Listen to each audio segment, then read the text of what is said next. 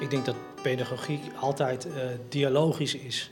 Je kan alleen maar een goede pedagoog zijn, in mijn optiek, als je wat doet met wat de ander zegt. Je kan niet alleen maar pedagogisch zenden of didactisch zenden en dan denken dat je dat goed doet zonder dat je afstemt op wat je terugkrijgt van de leerling.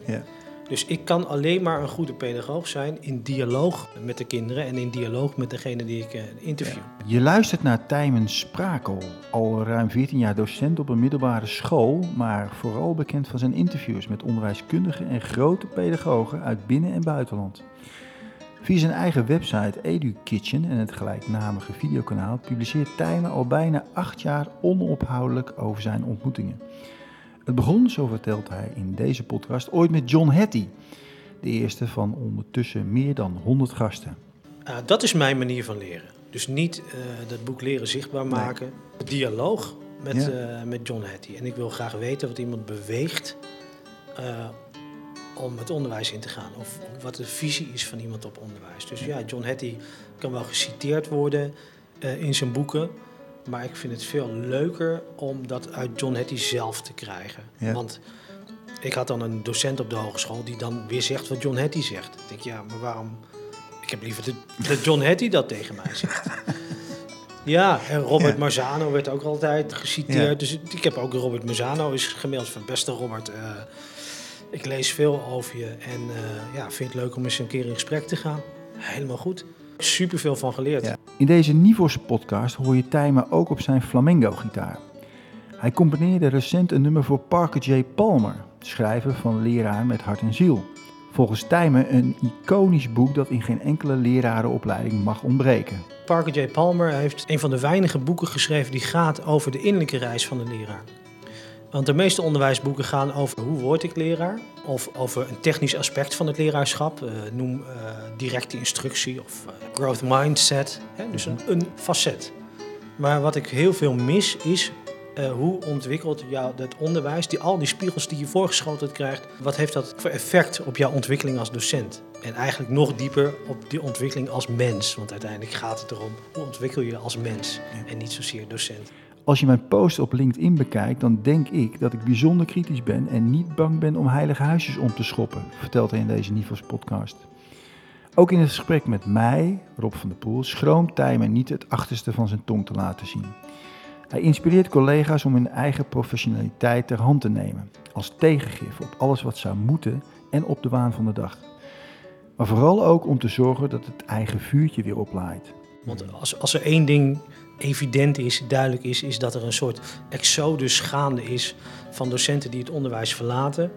En ik denk dat een van de grootste oorzaken is dat we geen ruimte hebben voor die innerlijke reis. Voor dat vuurtje waarom je naar het onderwijs ingaat. Eén op de drie docenten stopt binnen nu en vijf jaar. Dat is echt schandalig veel. Het komende uur luister je naar een docent die het zeker niet allemaal aan is komen waaien. Die na drie jaar ploeteren het antwoord steeds meer zocht en vond bij de kinderen.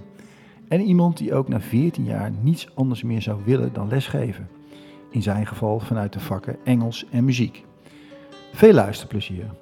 Ja, welkom uh, Tijmen in uh, Dokhuis, Nivos. Dankjewel. Um, uh, we zijn al even in gesprek en ik, we moeten nooit dingen overdoen, uh, zeg ik altijd. Zo is het. dus we zetten het gesprek voort, maar toch nog eventjes uh, wat, wat me opviel, of tenminste wat ik leuk vond in het gesprek dat jij eigenlijk ook een Rotterdammer, tenminste een Rotterdams verleden hebt en ook onderwijs hebt genoten en gewoond. En, zeg dat. En, ja. Ken je dit pand? Ik kende dit pand niet, nee. Nooit op Zuid geweest? ik ben regelmatig op Zuid geweest, alleen ik heb hier altijd overheen gekeken. ja. ja. Ja, maar het is een prachtig pand. Het is, uh, ja, het is bijna misplaatst in de, in, in de buurt als ik al die flatgebouwen hier Want? zie. Dit, nou, het is vrij klassiek, vind ik het. Met grote ramen, een beetje herenhuisachtig. Met van die mooie rolgordijnachtige zonneschermen, hoe noem je dat? Ja. Uh, buiten. Uit de vorige dus, eeuw, zo'n beetje. Ja, ja, precies. Uh, het is inderdaad, het doet een beetje denken aan Hotel New York, vind ik, qua allure. En dan zit je in Zuid tussen de, tussen de flats, hè, met alle respect voor de flats. Alleen als het gaat om architectuur, is het, valt het op, inderdaad. Ja, ja. ja. En jij uh, je hebt hier onderwijs genoten, studie heb je gedaan. Zeker, je, ja. Het, ik ben naar het conservatorium uh, gegaan. Ja. Uh, ik ben eerst in 2000 eh, in 2000 of in 99, ik weet niet meer, het is een tijdje terug. Maar toen ben ik economie gaan studeren met Indonesische taal en cultuur erbij. Want ik dacht, hé, hey, ik ben Indo, ik, wil, ik ga er wat mee doen. Ja. Maar ik bleek toch niet zo'n econoom. Dus na twee jaar studie, of na anderhalf, dacht ik, oké, wat kan ik doen waarbij geen schoolboeken gebruikt worden? Want ik vond studeren verschrikkelijk. Met je neus in de boeken, dat helemaal niks Ja. Dus ik zocht een escape. En eh, ik had net eh, wat flamenco gitaarlessen genomen. Ik speelde al gitaar, maar ik kwam met flamenco in aanraking. Ja. En toen zei mijn leraar, hey, eh, je hebt best aanleg, misschien moet je daar wat mee. Zou je het leuk vinden om auditie te doen. Ja. Dus ik denk, nou, ik zit nou met een studie die ik niet zo leuk vind. Dit zou wel een hele goede vluchtroute zijn. Ja. Dus ik heb auditie gedaan en ik eh, werd aangenomen ook. Ja. Ja. En dan klinkt dat, hoe klinkt dat dan? Eh, nou, ik, nou, toen kon ik nog niet, niet zo spelen, maar flamenco gitaar is een beetje dit.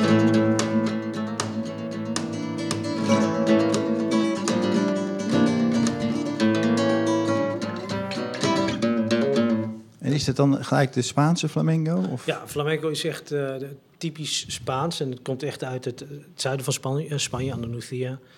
Hè, Malaga Jerez en eh, Sevilla, dat soort plaatsen. Daar, hoort, daar komt de flamenco vandaan. Dus Ja. niet heel Spanje. Mensen denken nog Nee. wel eens dat flamenco, dat iedere Spanjaard flamenco kan en de ritmes begrijpt. En, maar dat is helemaal niet zo. Ja. Ook in Zuid-Spanje eh, is maar een select groepje mensen dat echt de taal en de cultuur van de flamenco begrijpt. Dat is heel complex. Ja.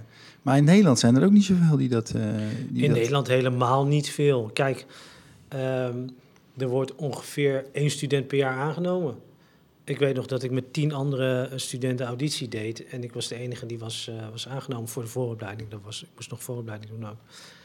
Eh, en dan valt er tijdens de studie vallen er ook nog mensen uit. Dus één à twee mensen studeren er per jaar af. Ja. En ja, wat, wat kun je met een flamenco gitaardiploma? Je kan goed flamenco gitaar spelen, maar je bent eigenlijk nooit een match voor de Spanjaarden. Dus eh, hoe goed je ook kan spelen, als ze iemand eh, invliegen vanuit Spanje, dan delf je altijd het onderspit. Ja? Dat is echt, echt absurd. Hmm. Dat is echt geen vergelijk. Dus het, is, het was voor mij een mooie escape om eh, lekker muzikaal bezig te zijn. Ja. Maar als je een theatershow boekt en je wil goede flamenco neerzetten, Paco de Lucia. ja, die, die leeft helaas niet meer. Eh, maar dat is natuurlijk de flamenco god. Paco Peña. Paco Peña was mijn leraar, vijf jaar lang. Ja. Dus die, die kennen, we kennen elkaar goed. Ja, dus ik heb geluk gehad dat ik hem als eh, grootmeester had. Hmm. Dus dat was bijzonder inspirerend en bijzonder hard hè, als het gaat om pedagogiek. Hij was van de harde school. Gewoon Ja. recht in je gezicht ze- zeggen: nee jongen, dat ging echt nergens over. Dat was echt slecht. Of letterlijk met zijn voeten stampen als hij vond dat je het weer niet goed deed. Wat hou je daarvan over? Behalve dat je heel goed hebt leren spelen. Wat hou ik ervan over? Nou, eh, ja, als het gaat om zijn lessen, af en toe wel eens een beetje een trauma. Hè? Want dan, bij flamenco eh, typeert zich ook dat het eh, maatsoorten heeft die, ehm, die niet eh, standaard zijn. Voor popmuziek bijvoorbeeld. Echt een 12 maat met bepaalde accenten. Bijvoorbeeld eh 12, 1, 2, 3, 4, 5, 6, 8, 10, 12. En dat gaat eigenlijk de hele muziek door. En als je dan dat ritme verliest, omdat het ritme niet jouw eigen is, ja, dan lig je eruit. Dan leg je volgens de Spanjaarden uit kompas. Dus het kompas, het basiskompas gaat zo. En die tikken zijn super belangrijk.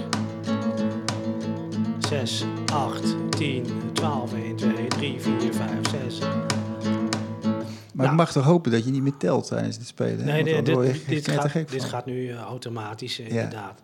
Eh, maar dan, eh, als je eruit ligt, Paco Peña kwam er naast je staan en die ging op je schouder dan even voor tikken van, zo is het kompas. En ook als je gewoon midden in je stuk zat, kwam hij naast je staan en ging je op je schouder kloppen van, hé hey vriend, zo moet je ritme houden en niet zoals jij nu denkt dat het moet. Ja. En dat was eh, bijzonder hard en bijzonder confronterend. Dus eh, altijd als hij er was, waren alle studenten in alle staten zenuwachtig. Het was niet altijd een feestje.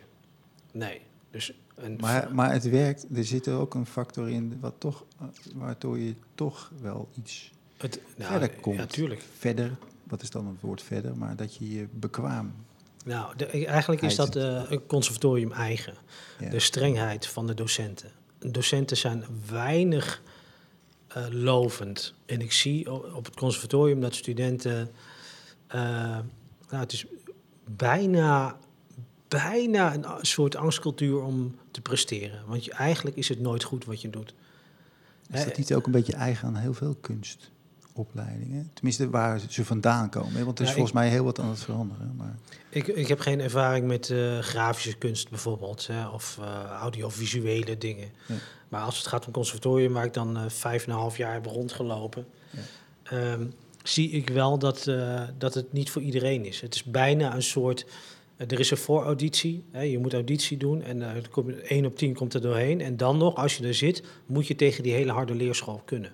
En het is natuurlijk ook zo dat je uit een internationale je hebt met een internationale omgeving te maken. Ze komen uit Rusland, ze komen uit eh, Tsjechië, ze komen uit China om hier in Europa te studeren. En het verschil is dat de mensen die uit China komen en uit Rusland komen, die komen hier omdat het een enige kans is op een betere toekomst. En ik als een Gooise jonge man, waar ik ben opgegroeid, voor mij is het gewoon een escape om niet economie te hoeven studeren en om gewoon lol te maken. Er zat voor mij geen enkele druk achter. Want papi betaalde ook de studie en zo. Dus het was voor mij heel makkelijk om daar gewoon mijn tijd door te brengen. Maar als je dan moet opboksen tegen mensen uit China en Rusland... die tien uur per dag studeerden... Want ik, ik aanschouwde dat en ik zag dat, dat als ik dan naar de studiecel ging... en ik was eh, eh, gitaar aan het spelen... dan zaten de Russen en de Chinezen, die zaten er al twee uur. En als ik dan twee uur later pauze ging houden, zaten ze er nog steeds. En als ik na de pauze weer terugkwam, zaten ze er nog steeds. En Die waren ook echt goed. En die deden mee aan concoursen en competities en zo. En voor mij was het gewoon eh, heel ontspannen. Dus die, de noodzaak om er wat van te maken is bij, bij de, de buitenlandse studenten een stuk groter dan Ja. bij de Ja. Nederlandse studenten. En dat, dat verschil zag ik wel. Maar het klinkt ook dat alsof er iets op de offertafel is gelegd op dit pad. Een deel, een gevoel, een, een gevoel een, waar niet zoveel ruimte voor. Misschien was het er wel, maar dat, Ja, een harde, harde leerschool. Het is een hele harde leerschool, conservatorium. En sowieso de muziekwereld. En in de klassieke wereld kom je eigenlijk alleen maar op de grote podia als je een concours wint. Ja. Dus een wedstrijd. Je moet muziekwedstrijden doen, zo is het eigenlijk, net als een tenniswedstrijd. Ja. En dan moet je winnen. Hè. En als je het Lies-concours wint of het Chopin-concours, dan sta je op de grote podia. Word je tweede of derde, ja, dan wordt het al een stuk lastiger. Ja. En bij jou, bij jou is het ook een ingang geworden, volgens mij. Hè? Misschien ga ik heel kort door de bocht. De muziek en, en de gitaar. Om uiteindelijk, dat, of uiteindelijk om dat onderwijs binnen te treden.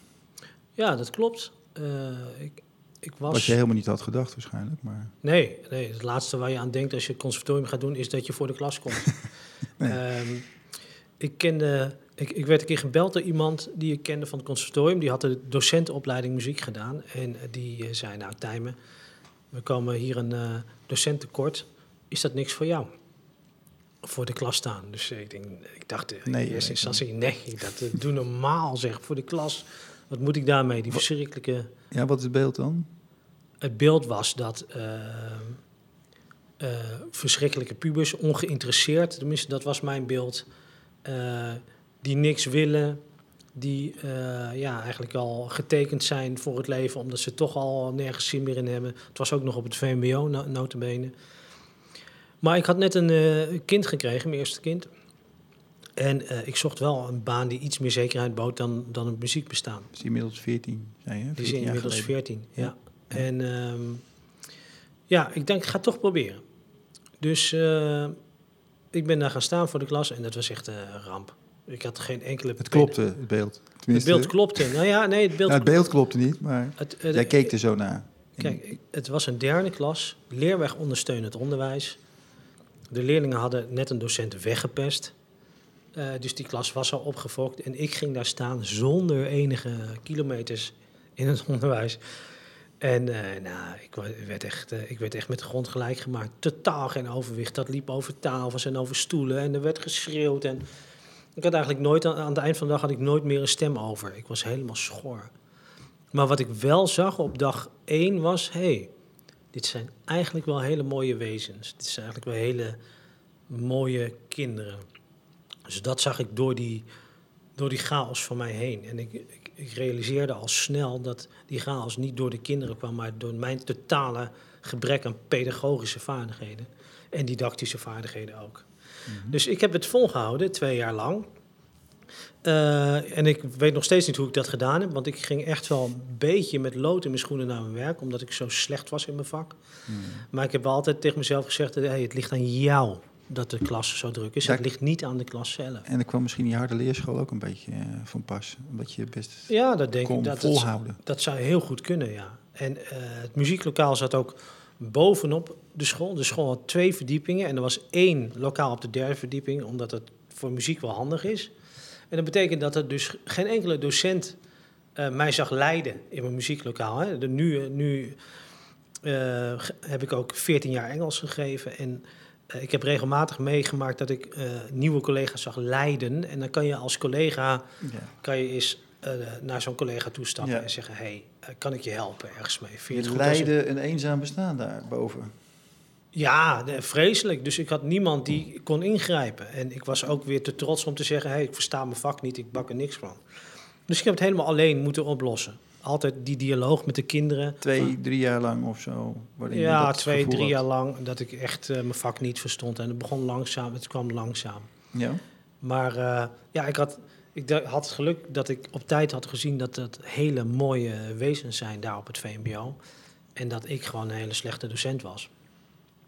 Dus uh, die altijd die spiegel voorhouden van hé, hey, hoe kan ik dat beter doen? Hoe kan ik ervoor zorgen dat ik aan het eind van de dag mijn stem nog wel over heb? En op een gegeven moment allemaal uh, middelen experimenteren om die klas uh, stil te krijgen zonder dat je gaat schreeuwen. Hè? Zoals gymdocenten vaak hun hand opsteken, of andere docenten doen het ook. Hè? En dan verwachten dat de klas stil wordt. Of... Stoplichten. Ja, dat soort dingen. Hè? En, of een belletje. Ik heb het ook wel eens met een belletje gedaan. Echt de meest rare dingen heb ik geprobeerd. Maar op een gegeven moment was ik zo ver dat ik uh, voor de klas kon gaan staan met mijn ogen dicht. En dan deed ik zo uh, even een mediterende houding. En op een gegeven moment wordt de klas dan ook stil. Hè, dan ben je twee, drie jaar verder. Maar gewoon met je ogen dicht voor de klas gaan staan. Goed op je ademhaling letten. Uh, je handen zo op zo'n boeddhistische wijze. Ja. En dan zitten die kinderen te kijken. Wat doet die gast nou, joh? Die zijn helemaal gestoord. Maar op een gegeven moment werd het wel stil. Dus dat, ik vond het wel leuk om steeds te kijken op wat voor manier kan je uh, kinderen... Dus dat was de ingang naar jezelf toen, maar ook de ingang naar die... De het ingang naar die leerling. Ja, ik denk het wel. De, de, innerlijke rust in jezelf. En dat, dat vind ik wel een mooi voorbeeld. Hoe je dus... Hoe vaak mensen een klas als druk typeren. Maar als jij die rust en kalmte uitstraalt voor de klas, dan kom je heel eind. Ik zeg niet dat er geen drukke klassen bestaan. Maar ik zeg wel dat het vaak klassen ten onrechte als druk worden bestempeld. Ja. Je hebt het zelf allemaal uitgevonden? Eh, ik heb, nou ja, durf ik wel te zeggen, ja. ja. ja. Ja. Of zijn er ook al in die beginfase nou, de ontmoetingen met die kinderen en die leerlingen, die hebben je gevormd? Ja, ja, ja, precies. De ontmoetingen met de kinderen hebben mij gevormd. Ja, ik heb altijd wel aan de kids gevraagd van, goh, wat hebben jullie nodig? En hoe krijg ik jullie uh, wel aan het werk? Ja. Ja. En die gesprekken, ja, dat, dat is zo lang geleden. Dus ik kan me dat niet meer precies voor de geest halen. Maar mijn grootste leermeesters waren die kids. Ja, en, maar je, je vertelde net over, uh, misschien een heel klein uh, zijstapje of bruggetje, uh, dat je niet zo'n student was en boeken of, of je, je, je, lessen niet uit de boeken haalde. Nee. Dat inmiddels denk ik van, nou volgens mij lees je best wel wat en beluister je ook mensen die het onderwijs op een bepaalde manier theoretiseren of daarover schrijven. En, en die inspireren je inmiddels best wel lang al, hè? een jaartje of tien.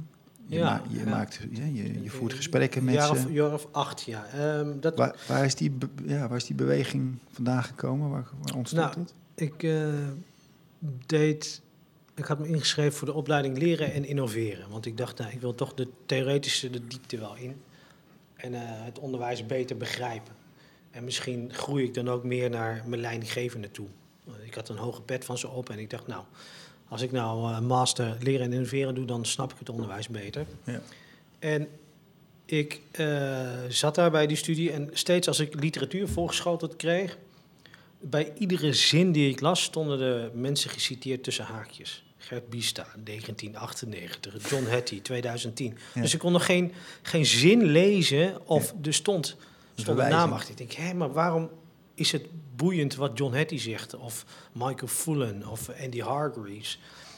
Wat maakt het nou uit en wat leest dit irritant? En iedere keer als docenten praten, ja, John Hattie zegt in eh, leren zichtbaar maken dat huiswerk zoveel nut heeft. En denk je, ja, wat kan mij John Hattie nou schelen? Waarom zitten jullie de hele tijd, waarom is dat zo interessant? Mhm. Ehm, en toen dacht ik, ja, ik ben eigenlijk wel benieuwd. Wie is John Hattie eigenlijk? Dus toen heb ik, Daar is het mee begonnen. ja, 2016 denk ik, heb ik, eh, of 2000, ja, 2016, heb ik de stoute schoenen eens aangetrokken. Ik denk, ik ga die John Hattie toch eens even mailen. Dus toen heb ik een eh, briefje geschreven naar John Hattie. En toen zei ik, eh, beste John, ik ben geïnteresseerd in jouw werk. Ik was toen al een beetje aan het podcasten en aan het interviewen. Dus ik zei, ja, ik heb een interviewplatform. Zou je mee willen werken aan een interview over jouw werk? En toen zei hij, tot mijn verrassing, zei hij ja. De heilige John Hattie, want op de opleiding was dit een soort god. Dus dat vond ik hartstikke leuk. Eh, en toen heb ik mijn eerste interview, eh, mijn eerste gast was niemand minder dan de John Hattie. Ja. En hij was de eerste van ondertussen meer dan 100 gasten. En dat is ook, eh, dat is mijn manier van leren. Dus niet dat boek leren zichtbaar Nee. maken, die Maar- gesprekken? de dialoog met, Ja. met John Hattie. En ik wil graag weten wat iemand beweegt om het onderwijs in te gaan. Of wat de visie is van iemand op onderwijs. Dus ja, John Hattie kan wel geciteerd worden eh, in zijn boeken. Maar ik vind het veel leuker om dat uit John Hattie zelf te krijgen. Ja. Want ik had dan een docent op de hogeschool die dan weer zegt wat John Hattie zegt. Ik denk, ja, maar waarom... Ik heb liever dat John Hattie dat tegen mij zegt. Ja, en Robert Ja. Marzano werd ook altijd eh, geciteerd. Dus ik heb ook Robert Marzano is gemaild van beste Robert. eh, ik lees veel over je en eh, ja, vind het leuk om eens een keer in gesprek te gaan. Helemaal goed. Heb ik ook geïnterviewd. Superleuk, superveel van geleerd. Ja, maar nu, nu is het ook al zo, hè, dat, dat, dat doe je ook omdat je docent Engels bent. eh, dat was je misschien al, je, je- was al flink ingevoerd in de Engelse taal, vermoed ik. Eh, nou, steeds meer. Ik heb eigenlijk Engels geleerd van mijn interviews. Oh ja? Ja, niet op de hogeschool. nee, ik heb, ik heb altijd geworsteld met die studie. Ik vind gewoon studeren totaal oninteressant. Ah, Ik vind het echt een waste of time. ja. Zeker als ik zie wat je dan allemaal voor vakken krijgt op de opleiding Ja. Engels. Die veel te diep op de materie ingaan. Hè, dan heb je bijna het idee van, goh, weet je wel eh, hoe diep je op de materie ingaat op het VMBO? Niet half zo diep als jullie hier doen. En je kan wel beter op de pedagogische tact ingaan, veel dieper Ja. dan, eh, dan heel diep die taal induiken. Allemaal woorden ontleden en Ja.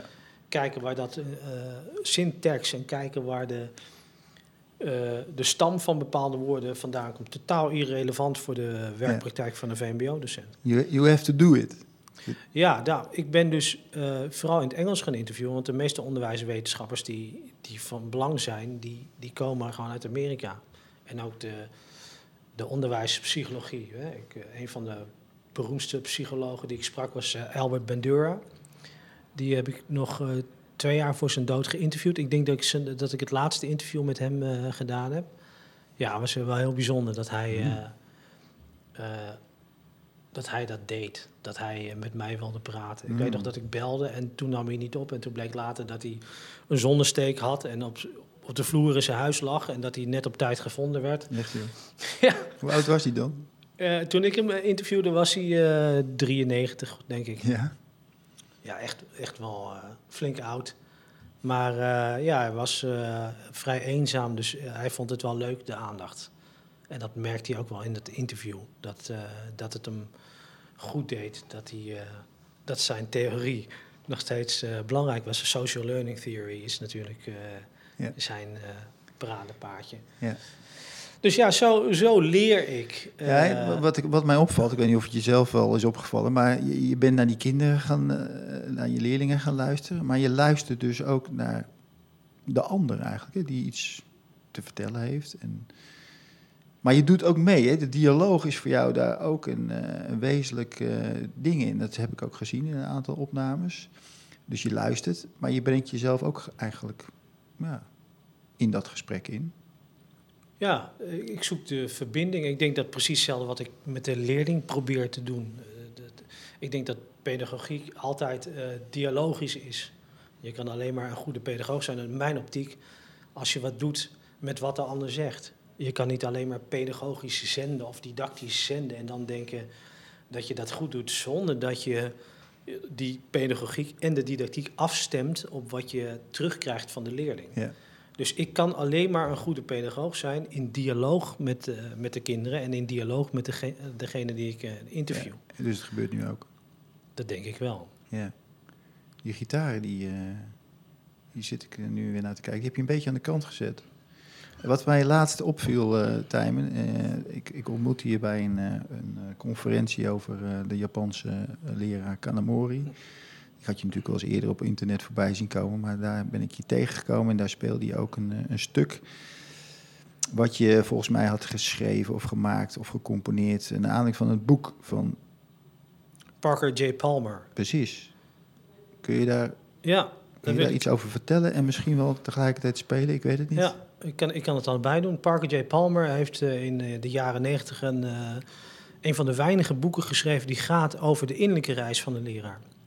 Want de meeste onderwijsboeken gaan over, uh, over hoe word ik leraar. Hè, of over een technisch aspect van het leraarschap. noem directe instructie of expliciete directe instructie of growth mindset. Hè, dus een, een, een facet. facet.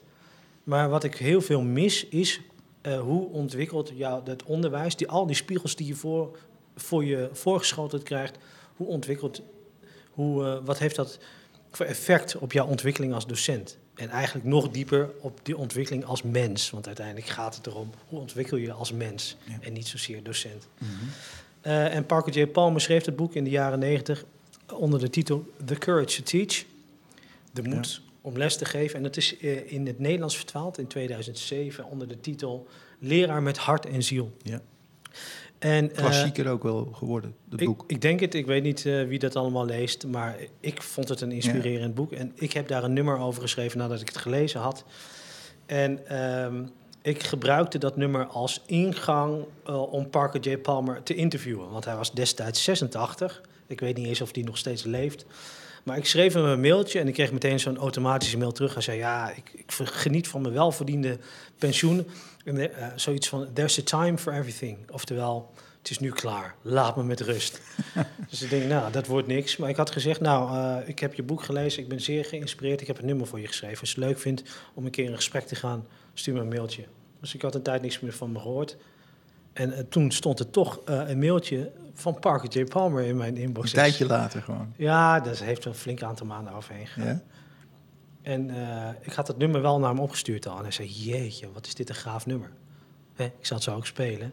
Dus hij was daarvan onder indruk. En ja, toen zei hij, ik ga graag dat gesprek met je aan. Mm. Dus toen heb ik hem op 86-jarige, of hij was in de 80, heb ik hem geïnterviewd. En dat was ook leuk om te doen. Zo'n zo man die zo'n iconisch boek heeft geschreven, zo'n belangrijk boek over de innerlijke reis van de leraar. En ik denk dat uh, de Nederlandse onderwijsboekenmarkt meer van dat soort boeken nodig heeft. Want als, als er één ding evident is, duidelijk is, is dat er een soort exodus gaande is van docenten die het onderwijs verlaten. Mm. En ik denk dat een van de grootste oorzaken is dat we geen ruimte hebben voor die innerlijke reis. Voor dat vuurtje waarom je dat onderwijs ingaat. Dus dat vuurtje wordt aangewakkerd in jezelf. Je gaat naar de opleiding. Je doet de opleiding. Het vuurtje is nog steeds aan. Misschien gaat het zelfs wel meer aan, want je komt in contact met die leerlingen. Mm -hmm. En dan studeer je af en dan kom je dus in die echte wereld, waarin je totaal aan je lot wordt overgelaten, vaak. Mm -hmm wordt gegijzeld door slechte roosters en PTA's, boze ouders, leerlingen die ongeïnteresseerd zijn. Of je wordt weggezet op de bovenste verdieping. Of je wordt muziekdocent en je komt op de derde verdieping. ja, ga dan nog maar eens dat vuurtje aanhouden. Dus ik denk dat de kern is, ik weet wel zeker, dat het vuurtje bij al die mensen, hè, één, op de, één op de drie docenten stopt binnen nu en vijf jaar, dat is echt schandalig veel, hmm. uh, dat dat vuurtje uitgaat. En er zijn natuurlijk allemaal facetten die daaronder liggen, zoals slechte roosters of uh, uh, uh, weinig steun van de teamleider of waardering. Allemaal oorzaken te noemen, maar in de kern is het: ik ben mijn vuurtje voor onderwijs kwijtgeraakt. Ik ga het ergens anders zoeken. Ja. Dus daarom denk ik dat, die, dat dat aspect van het onderwijs, dat, dat moet centraal staan. Ja. We laten, we laten het zelf gebeuren en we doen het anderen misschien ook wel een beetje aan uh, door, door daar niet bewust van te zijn. Dat we nou ja, het is, het is het is, het is zo'n meetcultuur geworden, het onderwijs. Hè, die, die PTA's en ook die administratie tegenwoordig erbij met allemaal. Hè. Ik heb dan heel veel in som gedaan, maar iedere scheet die een leerling laat moet in som of in magister. En op welke school mag je nou nog gewoon lesgeven zonder alles op te tekenen? Op welke school mag je nou gewoon les te geven zonder, zonder 40 toetsen erbij te doen? Mhm. Zo weinig scholen waar je ehm, op een laid-back manier naar de kinderen mag kijken zonder dat je bang bent dat je toetsen mist. Dus het is ook gewoon een verschrikkelijk nare wereld, eigenlijk. Parker J. Palmer. Parker J. Ball. Ik zal het nummer spelen. Het begint eigenlijk met een heel rustig intro. En dat rustige intro staat symbool voor eh, eh, de ambitie om dus docent te worden. De liefde voor het vak en eh, de ambitie om kinderen in de wereld te zetten, zoals Gert Biesta dat mooi ze- zegt. En dat was ook mijn ambitie. En als dat rustige intro voorbij is, komt er een eh, komt er beweging in het nummer. En die beweging stopt eigenlijk niet meer tot het eind. En die beweging staat voor de hectiek van het docentschap. Ik denk dat het nog steeds mooi is, dat docentschap. Maar je wordt meegenomen op een reis en die stopt niet meer. Dus daar staat het symbool voor. We beginnen met de ambitie en we eindigen met de hectiek van het onderwijs. Ik neem even een slok. Dan gaan we even kijken of ik hem nog kan spelen. Zoiets.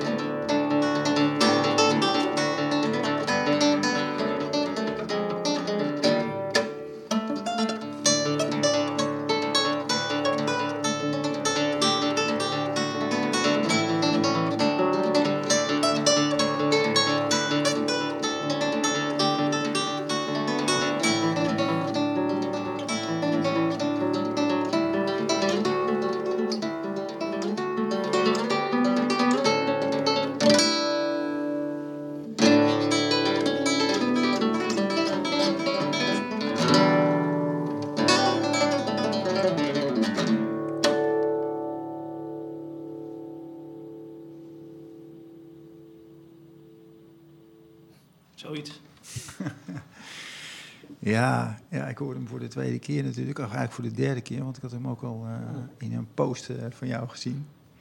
Ja, prachtig. Het is, eh, wat, wat- mij opvalt, Tijmen, is, is inderdaad die twee delen, zeg maar. Maar ook dat tweede deel wat, wat echt een ritme krijgt en wat een soort rivier, stromende rivier wordt. Voor mij dan. Maar vooral dat, dat ritme. Je, je, je komt ineens in een ritme terecht. En, Ja, die, die bassen die geven, die geven, die, die stoppen niet meer. Dat gaat het hele nummer door. En dat geeft ook een bepaalde urgentie aan. Een bepaalde Ja. onrust bijna. In tegenstelling tot het eh, intro, waarin je eh, die, die passie en eh, die reflectie op het vak nog meer hebt. Dus wat in het onderwijs meer nodig is, is, is dat intro, denk ik. Ja? Ja. Ja. Ik hoorde hem ook omdat het een, een soort van ritme onder, ja, onder de muziek of in het, in het leven, dat dat ook een, betekenis heeft. Hè? Het, het heeft, eh, zoals jij me hoort en uitlegt en speelt, zit daar onrust in. Maar dat het ook, eh, het heeft ook een plek, zeg maar. Het heeft ook een plek in ons leven. En, en het is misschien wel een, grond. Hè? Ik bedoel, de muziek is, de, is het de bas, is de grondtoon. Misschien worden we wat filosofisch, Tijmen, maar Nou ja. ik, ik, ik, ik, ik, voel dat als van, oh ja, maar dat is, is ook heel belangrijk. Een, ritme, een grondtoon. ja. Alleen, voor leerlingen, eh, voor mens zijn, voor... Maar ik denk wel dat, dat het muziekstuk genaamd onderwijs eh, af en toe terug moet naar dat rustige intro. Ja. En dus als je alleen maar in die lopende bas zit, Ja. eh, word je moe. Ja. En af en toe is het goed om daar uit te stappen. En dat vond ik het mooie van de Kanamori-conferentie, waar ik was met jou en Henk Boer, die dat eh, fantastisch georganiseerd heeft. Ehm, dat je er even uitstapt. En dat je even kijkt naar je eigen onderwijspraktijk zonder dat de bel weer gaat. En zonder dat je weer eh, een vergadering hebt. Maar dat je helemaal weg bent van je school en mag nadenken over... Hey, hoe, hoe sta ik daar voor de klas? En wat voor spiegel houden, spiegels houden mijn leerlingen mij voor? En dat is eh, bijzonder waardevol. Dat is echt heel fijn. Maar ik kan me ook voorstellen dat je niet zomaar als docent een dagje weg kan. Dat is ook gewoon heel lastig. Mhm. Hoe reageerde Parker, J. Palmer? Wat Die zei vond- hij? Die vond het, eh, of het nummer, dat vond hij eh, hartstikke mooi. Ja. Ja, Parker J. Palmer pleit, net als, net als ik en net als jij, denk ik, voor safe spaces. Dat is een heel belangrijk woord voor hem, safe spaces in het onderwijs. Ja. En safe spaces betekent dus dat je daar eh, kwetsbaar mag zijn en dat je daar ehm, onzeker mag zijn. Mhm. En dat je daar eh, je angsten en je gevoelens mag delen, ook je successen trouwens. eh, zonder dat daar een prestatieformulier onder hangt. Want vaak in het onderwijs zeggen ze ja, wij geven ook safe spaces en docenten kunnen ons wel reflecteren. We, we doen een interne, eh, interne, hoe noem je dat? Eh, intervisie, sorry, intervisie. Ja, we doen allemaal intervisies iedere week. Ja, en dan mag je als docent een casus inbrengen. En dan mogen al je eh, collega's meeluisteren. Maar, Hoe dat je- is, maar dat is hem niet. Maar dat is niet de safe space die ik bedoel. Nee. Want dat is een vast ramien. Jij geeft je probleem op. Iedereen moet nadenken. Je mag geen vragen stellen. De collega's moeten allemaal met een oplossing komen. En daar moet je naar luisteren. En een echte safe space is dat je ook wel eens niks terugkrijgt uit de groep. Dat je je kwetsbaar opstelt. En dat je alleen maar aangehoord wordt. En dat je docenten naar je luisteren. En dat je gewoon bij wijze van spreken je ogen dicht kan doen en daar kan zijn. En, en die, in, in diezelfde kwetsbaarheid ook weer het lokaal mag verlaten zonder dat iemand met een oplossing is gekomen. Dat is al iets magisch. Jezelf kwetsbaar opstellen in een groep onderwijsprofessionals die niks terugzeggen, maar waarvan je weet, oké, jullie weten waar ik het over heb, want we zijn allemaal collega's en ik mag dit bij jullie doen zonder dat het opgenomen wordt in een dossier. Dus eh, ik denk, ik ben in de veronderstelling dat we eigenlijk bijna geen safe spaces hebben in het onderwijs. Mhm. Die zo belangrijk Maar wat zijn. je, wat je dus ook zegt is, je, kan het in die, je mag het wel gaan organiseren, maar dat, daar gaat, dat is niet de, de, de ruimte waar jij op doelt. Hè? Ik was vorige week eh, of twee weken terug met uh, leraar in opleiding in gesprek. En die, die raakte ditzelfde thema precies op dezelfde manier aan. We kunnen wel intervisie gaan doen, maar dat is niet de informele ruimte Nee. waar je waar jij nu en waar ik denk ik ook uh, uh, over, over spreekt. Uh, dus dat, dat kun je wel. Ik bedoel, de formele ruimte en Ja. de informele ruimte hebben elkaar nodig. Maar het, het gaat om die. om Ik wil, die- ik wil eigenlijk weer terug naar het werk van Gert Biesta. Het prachtige risico van onderwijs is een boek eh, eh, wat ik van hem gelezen heb. En als ik de titel mag verklaren, bedoelt hij met het risico van onderwijs dat je niet alles kan plannen. Dat je niet alles kan dichttimmeren in een PTA en dat er ook wel eens een risico is dat de leerling een andere kant op gaat dan jij beoogt met je onderwijs. Dat niet alles maakbaar is. Volgens mij is dat een, zou dat een heel mooie vervangende titel zijn. Onderwijs is niet maakbaar. Volgens mij hebben we daar dan ook de, het risico, het prachtige risico van onderwijs uh, mee te pakken. En wat Gerst Bista zei in een interview met mij, bijvoorbeeld als voorbeeld, is dat heel veel leerlingen op zijn universiteit moeten reflectieverslagen schrijven.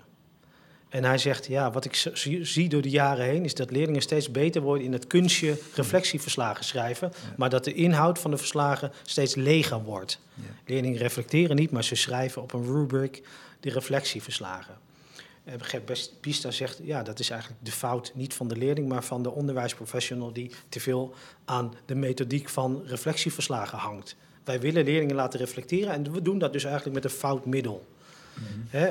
Uh, als je leerlingen echt wil laten reflecteren, ga dan in dialoog met ze. Want dan, ja. dan kom je bij de echte reflectie en niet bij het schrijven van zo'n kunstwerkje. En dat zou ik eigenlijk één op één willen vergelijken met die safe space. Ja. Als je docenten wil laten reflecteren op hun onderwijspraktijk, doe dat dan niet met de intervisie. Maar doe dat door ze uit de school te tillen op een Kanamori-conferentie of desnoods uh, op een relaxte bank in de kroeg of desnoods uh, een rondje om de school lopen met elkaar. Even uit die lespraktijk letterlijk stappen. Ja. En dan kom je tot inzichten, maar niet in de, uh, het hol van de leeuw. En hetzelfde geldt voor het schrijven van reflectieverslagen. Ja. Totaal nutteloze vorm van, uh, van toetsing. Het is een beetje teaching voor de test. Uh, dat is principe het. Wat, we, wat, wat zoveel plek heeft gekregen in ons onderwijs. Niets anders. En in een intervisie ga je natuurlijk ook stiekem wel uitkijken om ervoor te zorgen dat je op zo'n manier wordt neergezet dat je onbekwaam bent. Mm -hmm. Je kan, kan, wel met een probleem komen. Bijvoorbeeld, ik heb uh, heel veel moeite met Jantje en Pietje die agressief zijn naar de rest van de klas. Maar je zal nooit zeggen van ja, het is me nog nooit gelukt. Ik delf het onderspit. Ik uh, voel me onzeker en ik ben bang uh, om, om deze jongens echt tegemoet te treden. Mm -hmm. ik wil maar zeggen, bij een intervisie ik denk als je de verschillende casussen in, uh, analyseert, uh, komt er nooit een docent naar voren die echt onbekwaam is voor het vak. Want daar kijk je wel vooruit. Dat je ten overstaan van je collega's laat merken van ja, ik bak er niks van. Mm. Ik was onbekwaam, hè, 14 jaar geleden. Ik kon het gewoon niet. Mm -hmm. Hè, maar dat heb ik nooit tegen mijn collega's gezegd in die twee jaar. Van hé hey jongens, uh, ik bak er niks van. Het was mijn interne proces. Mm -hmm. Ik ging zonder stem weer naar huis. En ik begon de dag weer zonder stem. Het was, het was echt, verschrikkelijk, echt een verschrikkelijke periode. Ik kijk echt, uh, nou, uh, met, uh, niet met weemoei op terug, zullen we maar zeggen. Maar um, dus, dus echte reflectie is, is het, daar is geen sprake van in het onderwijs. Nee. In mijn optiek. Ja. ja. En, de, en die, die, die safe spaces, of die, volgens mij kwam dat in het gesprek met Gert ook naar voren, hè? De, waarin je volgens mij zelf een soort pleidooi hield, ook naar aanleiding van wat iemand anders had, had voorgesteld, dat je 50% van je tijd, bij wijze van spreken... 20% van je tijd, hè? Paul van Menen kwam ik... Ja, in de klas uh, bent en die andere... Ja. Dat andere deel echt vrij houdt om ja. je professionaliteit... Hè, hoewel het natuurlijk alles met elkaar te maken heeft, die twee werelden, ja. die horen bij elkaar... Maar om, om nou, daar, ja, om daar meer in stil te staan ook. Het ging niet zozeer om, het was niet 50%, maar 20%. Hè. Paul Vermeen oh ja, stelde ooit voor uh, een 20-urige werkweek. Ja. Waarbij je, of 20-urige lesweek, waarbij je vijf uur overhoudt. Want het, het onderwijs heeft geen 40-urige lesweek, maar een 25-urige lesweek. Want we hebben ook nog voorbereidingstijd uh, en nakijkwerk. Ja. Maar kan je verklappen, als je tien jaar hetzelfde vak geeft, heb je niet zoveel voorbereidingstijd. Maar goed, dat is een heel ander verhaal. Uh, je hebt 25 uur les te geven, of 24 nu met uh, werkdrukvermindering. Uh, en Paul Vermenen zei, nou, ik zou graag zien dat het 20 uur wordt en dat uh, één dag beschikbaar is om materialen te ontwikkelen en te reflecteren op het vak en professionalisering. Hmm. En ik vind dat een uitstekend voorstel. alleen het is nooit haalbaar, omdat je altijd zou kunnen zeggen, ja, maar er is een gigantisch lerarentekort. En dan ga je leraren nog minder laten werken. Wat is dit voor onzin? Hmm. Maar, zolang je dat niet doet en leraren met bosjes vluchten... Blijf je dweilen met elkaar. Ja, ja het wordt een beetje een negatieve, vicieuze cirkel. Ja, ja. Nou, je, je- volgens mij kaart je dat in het gesprek met Gert ook aan, van, eh, waarbij jullie zochten van, hey, komt het nou dat al die kinderen, of die, sorry, de docenten zich door de waan van de dag maar laten leiden? Waarbij je opmerkt, ja, wat mij betreft, vanuit mijn eigen ervaring, er is geen tijd, er is geen reflectietijd.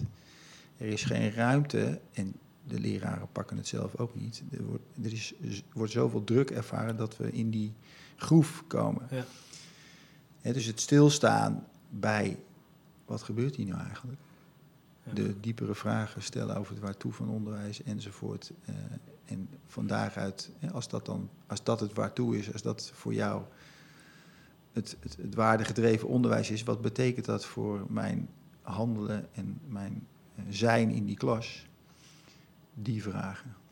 Ja, daar hebben we het over gehad. En ik denk dat een van de redenen dat het onderwijs nooit echt fundamenteel verandert, eh, is omdat eh, docenten altijd gegijzeld worden door de waan van de dag. Ik denk dat het heel makkelijk is om minister te zijn van onderwijs, omdat je niet een heel kritisch publiek hebt. Tuurlijk wordt er wel eens gestaakt, maar dat gaat in de regel om loonsverhoging en werkdruk. Niet om is wat wij doen in het onderwijs, eh, waartoe leiden we op. Dat is nooit een discussie. Ik heb nog nooit mensen op het Malieveld eh, zien staan die zeggen, nou, de wijze waarop wij opleiden is niet meer van deze tijd. Of eh, we moeten af van al die CITO-toetsen in het onderwijs. Nee, het is altijd loon of werkdruk.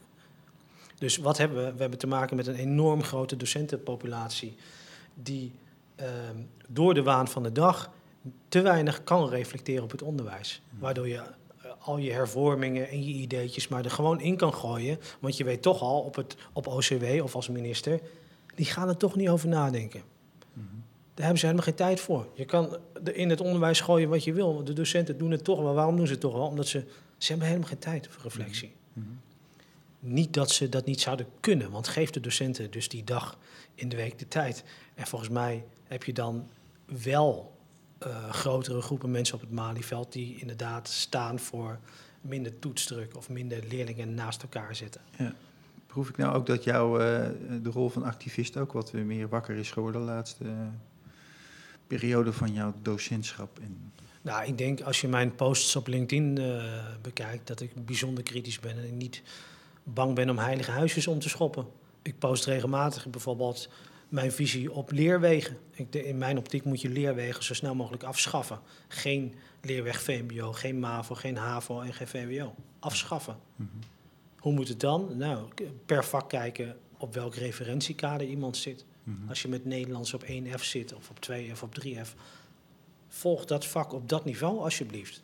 En ga niet zeggen aan het eind van de basisschool, oh eens even kijken, voor Nederlands sta jij in 5, nou dat wordt VMBO. En als je dan voor Engels een 8 staat en voor wiskunde een 8 staat, dan ga je toch naar het VMBO. En dan krijg je ook wiskunde op VMBO-niveau en je krijgt ook nog alle andere vakken op VMBO-niveau, omdat je toevallig voor Nederlands niet zo goed eh, presteert. Dus wat doen we? We kijken in de regel naar het zwakste vak van de leerling en daar hangen we dan een leerweg aan vast. Hè, jij bent slecht in Nederlands, dus jij gaat naar het VMBO. Dus krijg je alle vakken aangeboden op dat niveau. Ik vind dat echt totale waanzin en echt ehm, een vorm van kansenongelijkheid. Dus in mijn optiek is dit systeem ehm, niet passend bij de leerling, omdat we die leerwegen hebben. Ja. De leerwegen zorgen ervoor dat al je talenten aan de bovenkant in ieder geval worden afgehakt. Als VMBO-leerling krijg je eigenlijk in de regel geen vakken op MAVO of HAVO-niveau aangeboden. Ja. Daar kom je ook niet mee in contact. Even, even voordat we eh, ons eh, eh, vooral tegen dat systeem blijven uitspreken. want dat is ook een, denk ik een valkuil. extern blijven attribueren. Er zit ook iets, je hebt het al aangehaald, de innerlijke reis van de leraar. Daar zit, daar zit een ruimte, daar zit een, een weg die tenminste zo belangrijk is. Jij bent, vertelde je me net, 14 jaar heb je op een school lesgegeven. Ja, En je gaat, je bent nu naar een andere school gegaan. klopt. Waar, wat beweegt daar? Wat, behalve dat ik gewoon feitelijk zie dat je naar een andere school gaat. Wat gebeurt daar? Ehm, nou, dat is eh, ook wel iets typisch eh, in het onderwijs. eh, ook wel een beetje verandermoeheid. Het is een school geweest met heel veel wisselingen van leiderschap. Ja. En nieuw leiderschap betekent ook nieuwe visies, nieuwe 80 punten plannen. Ik maak geen geintje. Ik heb echt een 83 punten plan zien langskomen van een rector. En uh, nou, ik ben best flexibel uh, als docent. Uh, en ik probeer altijd mijn steentje bij te dragen met tal van werkgroepen en zo. Dus ik ben wel echt wel iemand die een extra steentje bijdraagt. Alleen na de zoveelste wisseling van de wacht en de zoveelste verandering van structuur ja. ben ik ook klaar. Zeven zeven rectoren. Zeven rectoren heb ik uh, meegemaakt in 14 jaar. Ja, dat is absurd. Ja. Gaat echt nergens over. Zeven rectoren. En nu meer op een rustigere plek gekomen? Ik zit nou op een uh, echt een klein hemeltje zit ik nou. Ja? ja? echt heel relaxed. In Brielen? In Brielen zit ik uh, ja, op een hele prettige school. Dus nee, met, met veel roosterrust. met leiderschap dat vertrouwen heeft in de docent. En ik zie ook dat er scholen zijn waar dit niet altijd het geval is. dus op mijn vorige school moest je heel erg lesgeven volgens een bepaald stramien. We hadden de ideale les bedacht, eh, die voldeed aan alle punten van de onderwijsinspectie. Dus je moest als docent ook al die stappen doormaken. Directe instructie was bijvoorbeeld een hele belangrijke. Hoe ben je daarmee omgegaan? Ik bedoel, dit, nou, dit is toch gewoon, een beetje eh, killing? gewoon niet doen. Dat deed ik alleen maar als de inspectie komt kijken of uh, als, er, als ik een collega in de, in de, les had die twee keer per jaar of een teamleider. Ja. Ik doe mijn eigen dingen in de les. Ja. Maar als, als beginnend docent kan dat heel lastig zijn. Ik denk als je een tijd voor de klas staat, dat je je eigen plan wel draait. Ja. Want het leent zich ook niet directe instructie. Hè. nou, ik ga weer terug naar mijn interview met Gert Biesta. We hebben het gehad over expliciete directe instructie. En Gert Biesta zei, dat is een tool om tot een bepaald doel te komen. En hij zei, ik, vind, ben verbaasd over het feit dat sommige scholen dat zien als een tool dat altijd geschikt is voor iedere situatie. Nee, het is, voor sommige situaties leent het zich, maar voor sommige situaties niet. Dus uh, waar het op neerkwam, stel zo'n instructiemodel, of op mijn vorige school zo'n zo'n stramien waarop je moet lesgeven, doe dat nou niet, want het leent zich gewoon niet voor iedere lessituatie. En dat heb ik ook meegemaakt. Dus, dus ik begrijp heel goed uh, wat hij bedoelt. En op de school waar ik nu zit, is dat stramine niet. Ja. Daar is de visie, hey, we nemen je aan, jij hebt de docentenopleiding gedaan, jij hebt, uh, je bent bekwaam, dus uh, laat maar zien. En als het niet goed gaat, dan hoor je weer van ons. En dat mhm. vind ik een uitstekend uitgangspunt. Ja. Elke podcast, uh, dat zou ook een soort stramien kunnen hebben. In ieder geval heeft elke podcast altijd een einde. Oh. Deze podcast heeft zich toch op een hele andere manier afgespeeld als, als de vele afleveringen hiervoor. Maar als we nou een einde uh, maken, samen, en dan zit ik weer met mijn vinger naar die gitaar te, te, te, wijzen. Een, een, een, een muzikaal out, outro. Zou je daar, uh, zou je daar een improvisatie, want we weten zelf ook nog niet hoe dat zou moeten klinken, maar iets in willen proberen. En tegelijkertijd bedank ik jou voor de nou, wat zou ik zeggen, de, de, de, de echte, ja, jouw teksten, jouw verschijnen in dit, uh, in dit onderwijsveld en ook het praten daarover. En al jouw werk daarin, wat je al eerder hebt gemaakt. Dankjewel, graag gedaan. Ja. Graag gedaan. Ja, ik vind het superleuk om aan te schrijven in interviews en podcasts, omdat het bijdraagt aan het verspreiden van mijn visie. Ja, en mijn visie is dat we naar een inclusiever onderwijs moeten. Ja. En ik denk niet dat het onderwijs dat we nu hebben zo inclusief is als we zelf denken, omdat we selecteren aan de poort. Ja. Nou, dat wil ik dan nog zeggen, want wat mij inderdaad opvalt in, in jouw gesprekken, dat je, je hebt met hele uiteenlopende mensen gesproken, die allemaal vanuit een bepaald specialisme toch naar onderwijs kijken, mhm. misschien wel een bepaald facet. En ja, je, je, je bent echt dat, die dialoog aangegaan, hè? het gesprek aangegaan. Je, je, je zet het niet weg of zo. Je luistert en je brengt. Ja, het vindt, dat includeren vindt gewoon plaats waar je bent.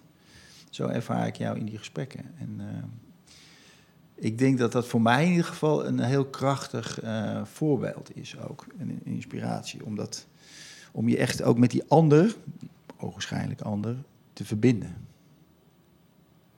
Nou, dankjewel. Ja, dat verbinding is wel een heel belangrijk woord. Ja. Anders kom je niet tot die diepere laag.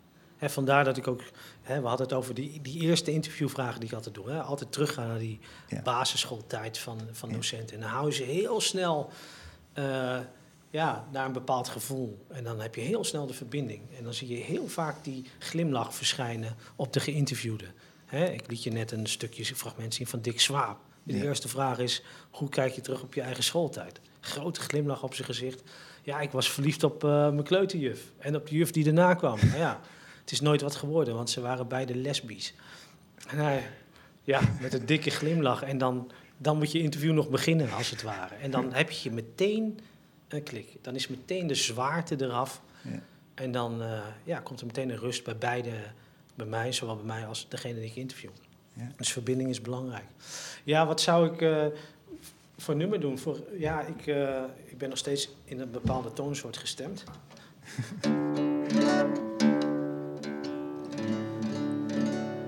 wat ik zelf een heel mooi nummer vind eh, van, van Johann Sebastian Bach, ik speelde dat net al, dat is een cello suite. En ze zeggen wel eens dat barokmuziek niet hoort tot de romantische periode, dat klopt ook. Je hebt in de muziek heb je de romantische periode, de barokperiode, de Weense periode. Maar ik vind Bach toch ook heel romantisch.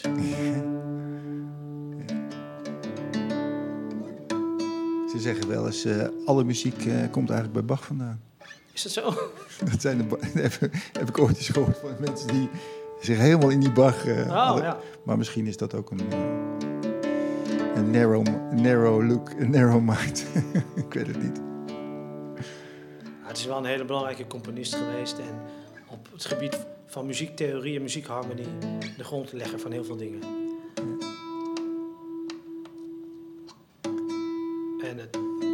Bijzondere van Bach vind ik dan als muzikant dat hij heel makkelijk tussen toonsoorten wisselt. Dus dat hij een stuk in D kan beginnen en dan eh, twintig maten verder is hij in F opeens. En dat doet hij op zo'n natuurlijke wijze dat je het niet hoort. En als je vraagt aan de muzikant, oké, ik geef je een opdracht, schrijf een melodie in G en zorg dat het drie maten of twintig maten later in A staat, zonder dat ik het merk.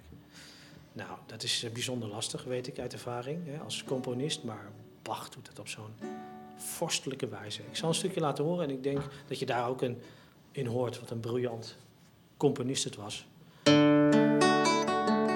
Moet wel even goed stemmen, want dit eh, gaat nergens over.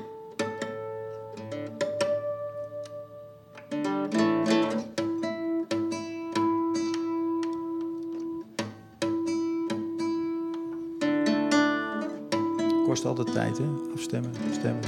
Ja, gitaar is heel temperatuurgevoelig. Dus eigenlijk bij ieder nummer, als je dan eh, naar een professioneel gitarist gaat, wordt er gestemd tussendoor. Zeker nylonsnaren zijn heel gevoelig, meer dan staande snaren. Dus je moet eigenlijk na ieder nummer even stemmen.